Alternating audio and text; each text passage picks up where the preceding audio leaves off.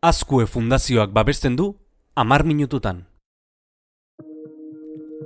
Zuzeu podcast proiektua luzera begirako apustu bezala sortu genuen 2000 emeretzi hasieran. Hiru saiorekin hasi ginen, tartean entzuten ari zaren Amar Minututan saioa. Orain, Euskal Gaizkileak seriarekin laudireko izten ditugun podcastak. Proiektuak entzuleak ditu oinarrian, eta entzulek babesten dute proiektua bera. Horregatik sortu dugu Patreon horrialdea. Audiogintza zuri esker egin nahi dugulako. Patreon horrialdean hiru arpidetza mota topatuko dituzu. Aukeratu egokiena iruditzen zaizuna, zuzeu podcast komunitatera batu eta proiektua babesteko.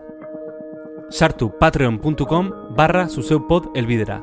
Hori da, patreon.com barra zuzeupod. Eta arpidetu gure edukietara. Kaixo, maite goni naiz eta hau amar minututan da.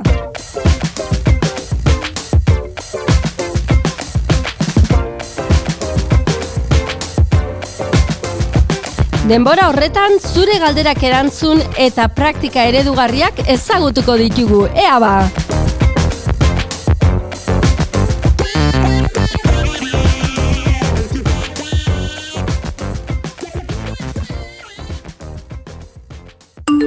Kaixo maite, begira, uh, bigarren hezkuntzako irakasla naiz, zehazki hezkuntzatako irakaslea, eta hau da nire, nire kezka.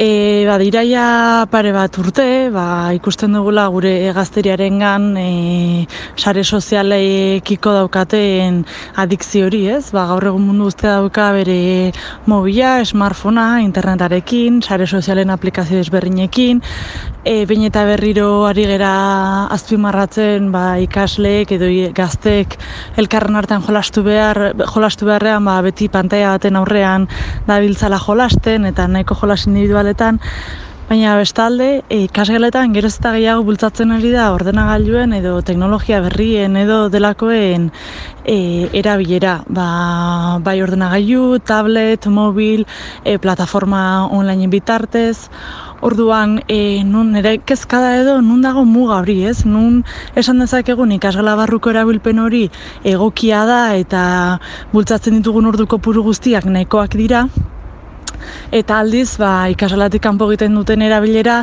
erabilera desegokia dela. Eskerrik asko.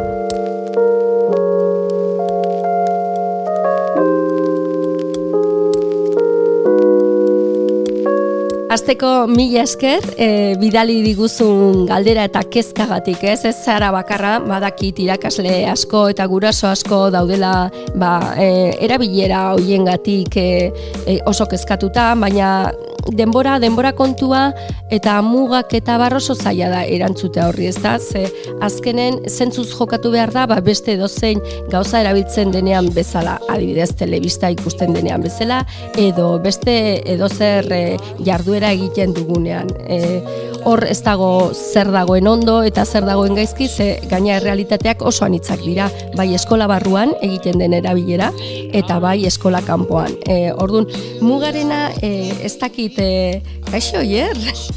Hemen ikusten zaitut. Aspaldi etorri gabe. Bai, aspaldi etorri gabe. Aspaldi etorri gabe. Gaur... Itza, itza harrapatuko dizut, nik gorkoan. Bai, bai, eh? bai, ondo, ondo.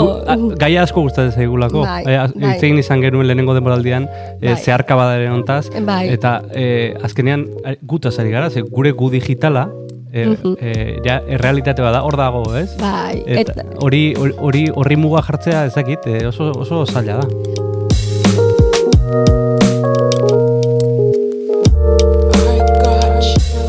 Da, baina e, oso garrantzitsua da aldi berean, e, ba, jakitea nola, nola, e, nola erabili eta zertarako, ez? Orduan, gure gu digital hori hor dago, eta gizartea digitala da, beraz guk ezin duguna da, klaseko bateak itxi, eta beste realitate paralelo batean bizi. Orduan, dauzkagun gaur egun tokatu zaigu tresna horiekin e, aritzea, ba, erabilditzagun gure mesederako, ez? Beti esaten duguna. Baina, bueno, e, nik uste, nonbait ikasteko e, interesgarri izango itzatekela azken aldian e, bada txosten bat edo gazten euskal behatokiak, euskadiko gazteak eta sare sozialak izeneko txosten aurkeztu du. Bai. Eta txosten horrek ematen dizkigu pista batzuk, hau da, esaten digu nun da bizten gure gazteak, batez ere Instagram eta YouTubeen, eh, hori oso nabermena da. Maite ni gaztea nahi edo? Ez zuia, ez Ah, zuia, bia. beste belaunaldi Vale, bateko vale, zara. Eta Vale, gutxiago. Txostenetik kanpo nago. Bai, bai, txostenetik kanpo gaude, baina badago beste txosten bat, e, e, estatu mailan e, sare sozialen erabilera bai millennial, ze, zu millenniala zara. Bai, early millenniala. Hori, Bai. eta ni isa belaunaldikoa naiz, eta gure erabilerak ba, egunean Mm. hiru ordu zegotan garela mugikorrarekin, eta bar, eta, bueno, ez gara hasiko hori denak, baina esateko ez dala bakarrik neraben kontua, gizartearen kontua da, eta hezkuntzaren digitalizazioaz ere hitz egiten ari gara tarte honetan, orduan importantea da errealitateari bizkarrez ematea. Eta gauzak horrela, ba, ikerketa horrek edo txosten horrek aurkezten ditu hainbat datu interesgarri, ba, eh, badakigu mm, sare hoietan daudela, gustora aritzen direla, beraien komunikatzeko modu naturala hori hori dela. Plaza, Aurrez- plaza digitalak dira. Plaza digitalak, aurrez aurrekoari e, hori, eh, beste alde batera utzi gabe, aurrez aurrekoa, ze aurrez aurrekoak gure gazteak ibeltzen dira, baina e, batez ere, eta hau oso esanguratsua da, ba, erabiltzen dituzte sareak komunikatzeko, eta, eta, e, eta baita e, bideotutorialak ikusteko, hau oso interesgarria da, ez? Eta hezkuntzari balio erantxia eman diezaioke honek. Berdin du, zertan nahi duzun izan, horna zer ikasi nahi duzun, hor egongo da mexikar bat, YouTubeen azalduko dizuna. Eh? Bai, bai. Beti dago. Egongo da, bera Beti zentuarekin, beti dago. Edo zer gauza, eta gure Eh? gazteek asko ikasten dute hortik. Eta baita musika entzuten dute sareetan, eta bar, eta esan bezala, e, bueno, badaude Bai. ohitura batzuk, ba, e, etxean e, mm, begiratu litezkenak, ez, ba, noiz konektatzen diran, edo gauean e, oso berandu arte geratzen malin badira e, mugikorrarekin, hori ja izango da, ba, telebista garai batean, telebista oso berandu arte geratzen e, zirenean bezala, ez, Edo- ikusten. Edo irakurtzen. Edo Ze irakurtzen. Oso zungarria da irakurtzea, baina gaueko laurak arte irakurtzea Horixe. linterna txar batekin, ez da ona, Eta postura, eta e- eta, eta logura, urrengo goizean logurarekin esnatzen zara. Baina honek badauka, gai honek badauka beste puntutxo bat, ez? Eta nire ustez e, interesgarria dana. E, alde batetik, ia nola erabiltzen dituzten e, ze badakigu, erabiltzerakoan mugikorrak eta bar eta sare sozialak e, mundura irteten direla eta gero agian lehen garai batean irakurketa ba gelan egiten zen eta etzeon bestelako arriskurik. Orduan, importantea da jakitea baita nola erabiltzen dituzten gure gazteek sare sozial hoiek, ez? Eta e, behatokiak dioenez, e, kopuru oso handi batek adibidez eta oso e, interesgarria da, e, euneko laurogeita marrakia ba, hartzen du neurririk ez, sare sozialetan bare, beraien pribatutasuna bermatzeko. Hmm. Hori oso albiste ona da. Eta gero, ba, pertsona kopuruak e, onartzen dituztenak, ba, kanpokoen lagunak e, eta kanpokoak ezagutzen ez dituztenak, eta ba, Bai. ba, kopurua ez da oso altua, hogeita bost inguruan. Hori ere, ba, gestea oso ondo legoke. Baina, bueno, e, beste kontu bat komentagarria iruditzen zaidana da, em, erdik edo erdik baino pixka gixagok, ba, sare sozialen batetik edo blokeatu izan duela, non bait. Orduan, horrek esan nahi du, ba, badakitela erabiltzen baita beraien onurarako ba, tresna horiek, ez? Esan nahi dut, erabilera makurra balin bada, ba, blokeatu. E, guraso baten lekuan jarrita, e, komeni da sare sozial horietan egotea, ezagutzea, e, ikastea non dabiltzan e, geure seme alabak? Bai, zalantzari gabe, bai, e, zalantzari gabe, bai, eta e, azteko komeni da jakitea noizko, noiz has litezken, ez? Zen ikuste dut hor dagoela benetako arazoa.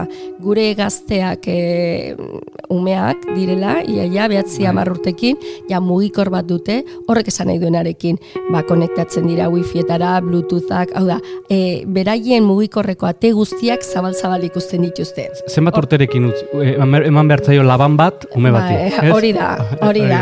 E, eta posten naiz gaina horrela planteatu izan az galdera ze. Noiz eman bertzaio, ba, zuk ikusi behar duzu etxean ere zer duzun, ez? E, e, malin badago heldutasun handiko ume bat baldin baduzu, agian labana lentxeago emango diozu. Mm. Eta bestela, ba, beranduago ez. Baina esaten izuna da, pixka bat adinarekin, e, uste malin diegu horrelako tresna batekin, potentzialtasun hori dauken tresna batekin, eta ez badiegu esaten zeintzuk diren ba, laban horren arriskuak eta nola erabili behar duen, Bai. ba, hortik etor litezke arazoak, ez?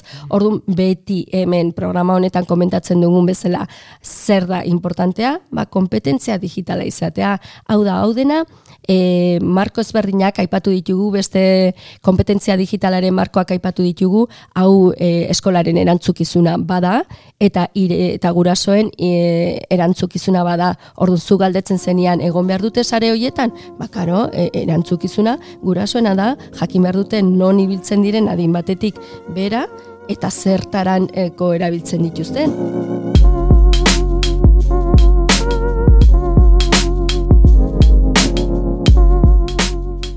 E, adibidez oso importantea da e, lagunen argazkiak eta mm, igotzen dituztenean e, nahi gabe eraikitzen ari dira beste nortasun digitala. Mm. Orduan hori adibidez hori pribatutasunez nola erabili, datuekin zegertatzen dan, zegertatzen dan beraiek plazaratzen duten guztiarekin. Orduan hori dona ezinbestekoa da lantzea. Baina bueno, hori esan da eta hori garbi garbi eukita eta jakinda ez dugula erantzun konkretu bat galdera horrentzat, bai eman ditzakegu pista batzuk jakiteko, esateko.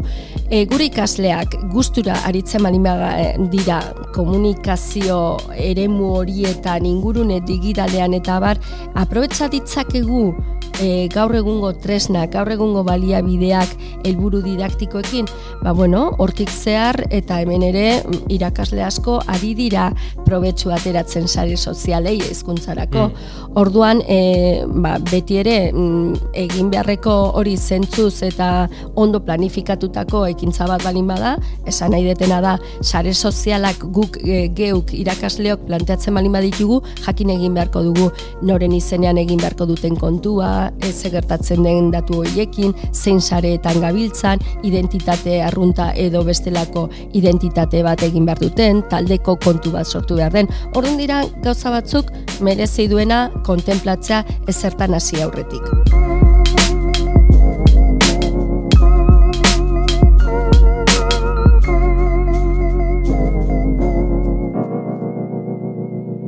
Nik pentsatzen egon, eh? E, eta paralelismoa iruditzen zait e, bizitza berarekin, ze e, kalea arriskutsua da. Mhm. Bizitza bera arriskutsua da. Bai, bai, bai. Gure seme alabak jakin behar du zer dan e, e, zebrabide bat. Ai, hori xebea, nik beti erabiltzen dut zebrabidearena, ez? Interneteko zebrabidea e, guk kaletik e, eramaten ditugu adin batera arte helduta, eta gero gaina oso ondo erakusten diegun nun, nundik pasa behar Claro. duten zebrabidea zein den, ba interneteko zebrabideak zeintzuk diren erakutsi egin beharko Hori dizkigu. da. Arris, ar- arrisku mordua dago, bai interneten, bai kalean, baina e, elkar bizi behar du horrekin. Ba, bai.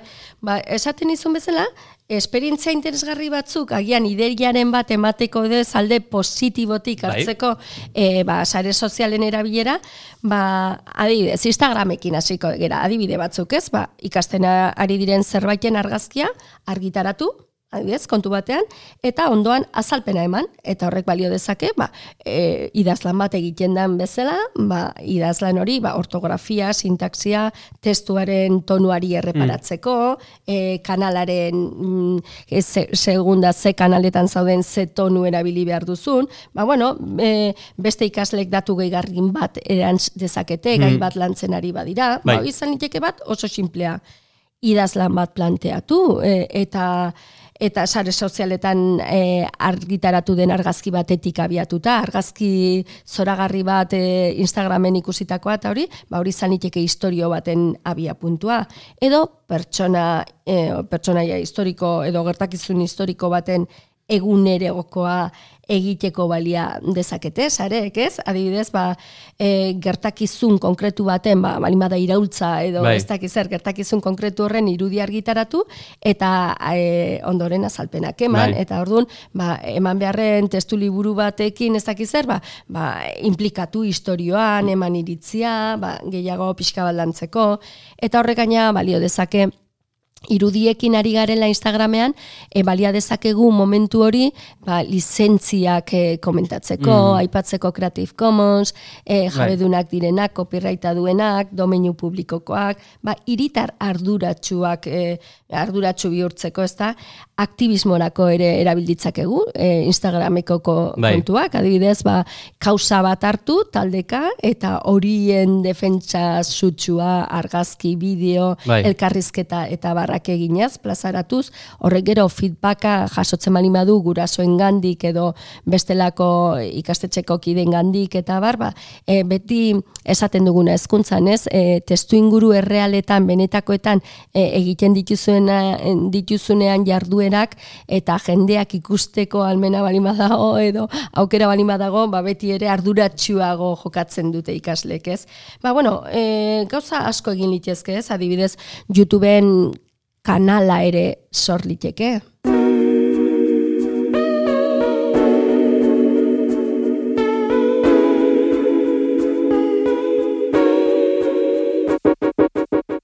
YouTube, YouTube adibidez, ez? Kanala egin dezakegu YouTubeen, beti ere kontua zainduz, eskolako kontua ez pertsonala datuen eh, gora bera hoiek eh, kontuan izan da, eta gero kanal horretara ba, gure bideo tutorial propioak eh, igo, ez? E, beraiek hainbeste ikusten bali badituzte bideo tutorialak, ba, jar ditzagun beraiek ere edukia sortzen, eta eduki hori gainera Euskaraz bali badago, aprobetsa dezakegu baita Euskararen inguruko kontzientzia hori lantzeko, eta e, jakite, eta gainera esaten balin diegu ekoizten duten hori li- Creative Commons lizentziekin eta egin dezaketela argitaratu, ba bestek ere onura ardezaten, ba beraiek eh, argitaratutako ba ume txikiagoek adibidez, Bai. har dezakete ikus ditzakete Mhm. beraien bideo tutorialak, pentsa ze polita, ez? Ba, beraiek egiten dutena helduekin, beraiek egin dezakete, ba eh, adin txikiagokoekin.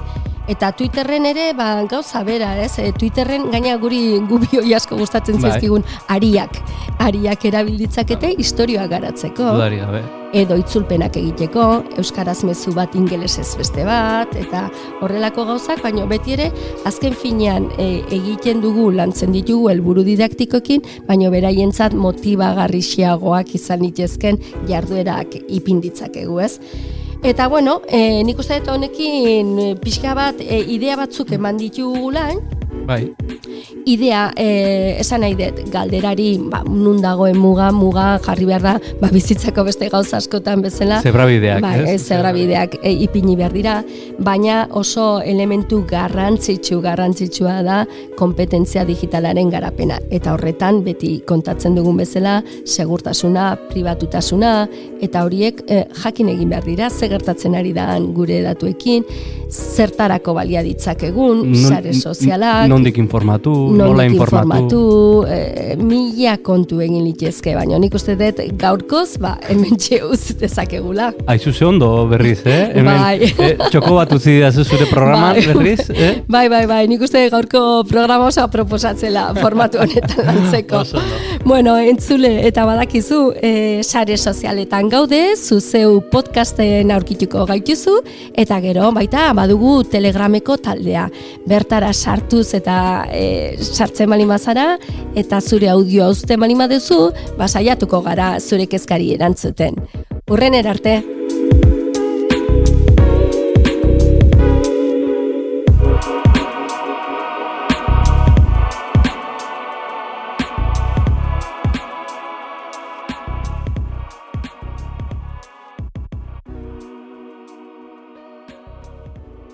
Edo zein audio plataformatan entzun dezakezu zuzeu podcast. Spotify, Apple Podcast, Stitcher, eta bestela sartu podcast.eus elbidera. Hori da, podcast.eus. Eta bertan topatuko dituzu ekoizten ditugun saio guztiak.